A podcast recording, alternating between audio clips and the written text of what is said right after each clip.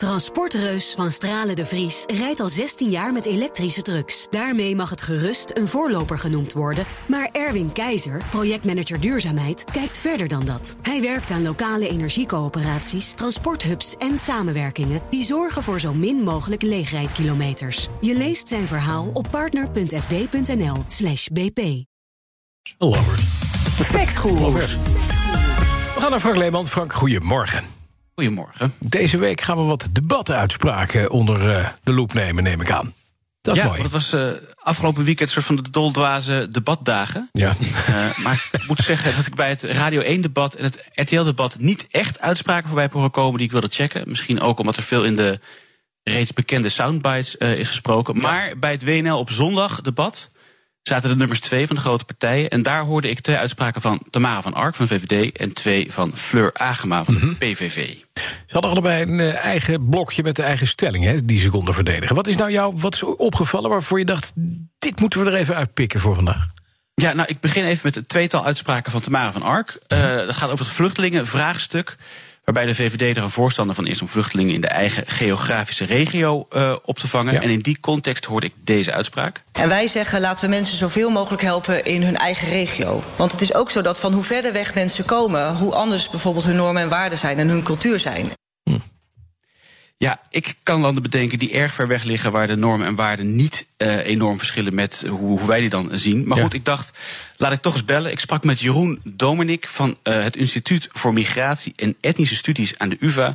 En die had ook wel wat aan te merken op haar uh, uitspraak. Ja, dat lijkt mij als geograaf kan ik, kan ik en, en als sociaal wetenschapper, ik zeg dat dat gewoon nergens beslaat. Dat is een apenkolen argument. Afstand heeft, zegt niets over normen, waarden en culturele afstanden. Het is veel vaker eerder toch een klasse ding wat tot voor conflict zorgt in een samenleving, als de culturele verschillen. Ja, apenkool. Het is dus niet zo dat cultuur verandert als je verder weg woont.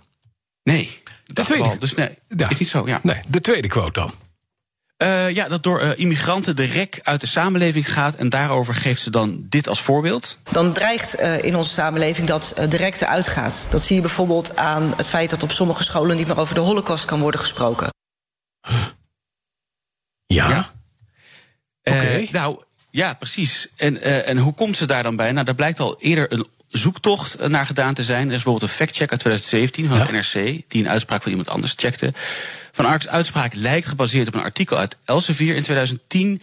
Elsevier had een onderzoek laten doen onder 500 scholen... in het voortgezet onderwijs, waar 339 leraren meededen. Ging over probleemonderwerpen, en dat was een enquête. En een van die enquêtevragen was... heeft u wel eens afwijzende reacties gekregen en wat deed u daarna? Een van de opties was het antwoord... ik behandel de holocaust uh, niet of nauwelijks meer... en daarop antwoordde één van de 339 leraren ja... Oké. Okay. Uh, en de andere 300 uh, zoveel, die bleven gewoon lesgeven. Ja. Ja, en of dat niet nauwelijks is, dat weten we niet. In de enquête werd ook niet verduidelijkt om wat voor leerlingen het ging.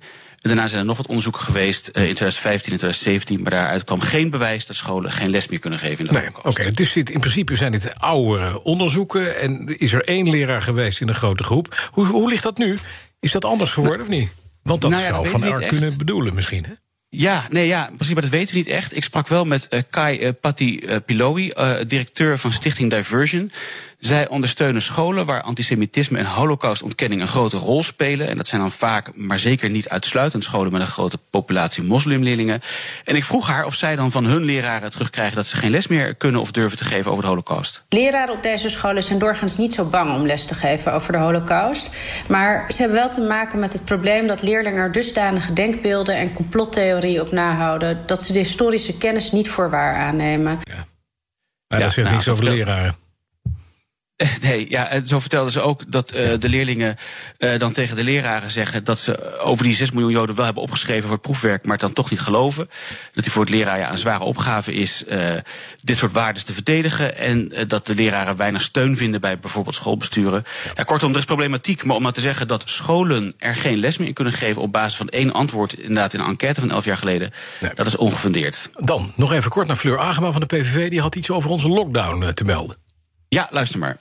Maar dat wij begin februari de zwaarste lockdown ter wereld hadden... is regelrecht het gevolg van hoe er met onze zorg wordt omgegaan. Ja, de, Ja. Dus in februari die zwaarste lockdown van de wereld? Ja, nee, hadden we niet. Er is een uh, website, Our World and Data, en die hebben de Government Stringency Index, de strengheidsindex.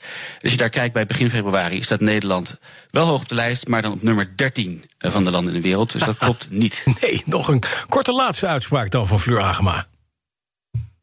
Ja, luister maar. En aan de start van corona hadden we nog maar 1150 intensive care bedden over.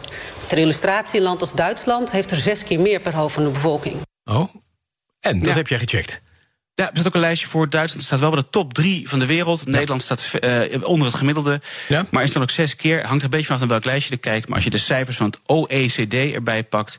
Ja, die zetten verschil op vijf keer. Ja. Uh, dus ja, ik weet niet, vinden we vijf keer close, close enough ja, ja, ik vind, van die zes keer? 13, 14 ook wel close en 5, 6 ook wel close. Vind je niet? Ja. Ik geloof dat Agema beter wegkomt dan Van Ark. Ja, ik uh, geloof het ook. Dankjewel. Frank Leeman, tot over een week.